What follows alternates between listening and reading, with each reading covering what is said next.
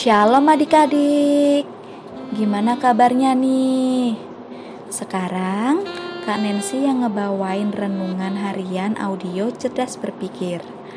Melalui renungan harian audio ini Kak Nancy berharap pikiran kita makin diisi oleh kebenaran firman Tuhan. Adik-adik, kita masih ada dalam edisi spesial yang ngebahas soal buah roh ya itu terambil dalam Galatia 5 ayat 22 sampai 23 yang bunyinya tetapi buah roh ialah kasih, sukacita, damai sejahtera, kesabaran, kemurahan, kebaikan, kesetiaan, kelemah lembutan, penguasaan diri. Tidak ada hukum yang menentang hal-hal itu. Ada yang perlu Kak Nancy ulangi dan tegaskan nih. Buah itu maksudnya adalah hasil dari menuruti tuntunan Roh Kudus melalui firman Tuhan. Orang yang berusaha menuruti tuntunan Roh Kudus melalui firman Tuhan pasti memiliki kedelapan karakter yang ada dalam bacaan Alkitab kita tadi. Nah, hari ini Kak Nancy mau ngebahas soal karakter kesetiaan. Jadi disimak baik-baik ya. Adik-adik, ada yang unik nih tentang karakter kesetiaan yang kita pelajari hari ini. Ternyata bahasa asli Perjanjian Baru yaitu bahasa Yunani untuk kata kesetiaan adalah pistis yang artinya iman atau percaya dan dalam beberapa terjemahan juga bukan kesetiaan, tapi iman. Loh, Kak, katanya kesetiaan, kok jadi malah iman sih, Kak? Mana yang benar, Kak? Mungkin adik-adik ada yang mikir gitu ya. Tapi sebenarnya baik kesetiaan maupun iman keduanya sama-sama benar kok.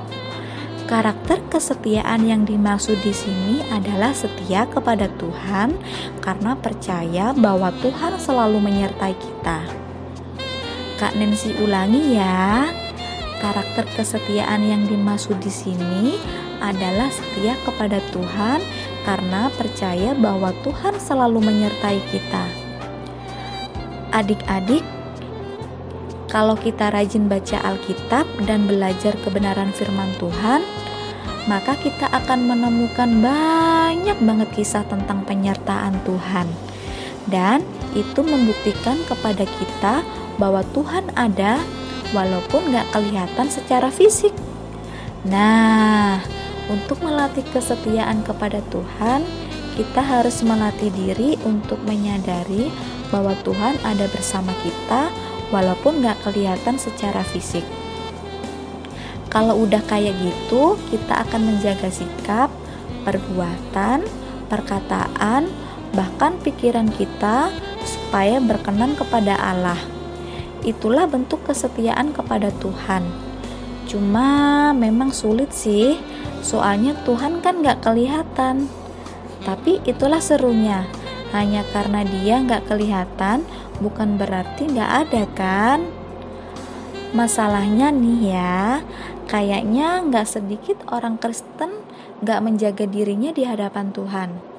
Ngakunya Kristen, tapi suka nyontek, omongannya gak dijaga, kata-katanya melukai perasaan teman, sombong, berpikiran jahat, merendahkan orang lain, dan lain sebagainya. Selain karena udah terbiasa kayak gitu, alasan lain adalah karena nggak menyadari kehadiran Tuhan. Dia tahu sih bahwa Tuhan maha hadir, tapi dia nggak jaga sikap. Nah, untuk itu kita perlu melatih diri menyadari bahwa Tuhan menyertai kita. Misalnya, adik-adik tergoda untuk menyontek. Mikir aja bahwa Tuhan lagi di sebelah adik-adik lihatin adik-adik. Beberapa orang sih ampuh pakai cara itu supaya nggak nyontek. Emang sih, kalau kita nggak nyontek, ada kemungkinan nanti kita bisa dapat nilai jelek. Apalagi sebelumnya nggak belajar.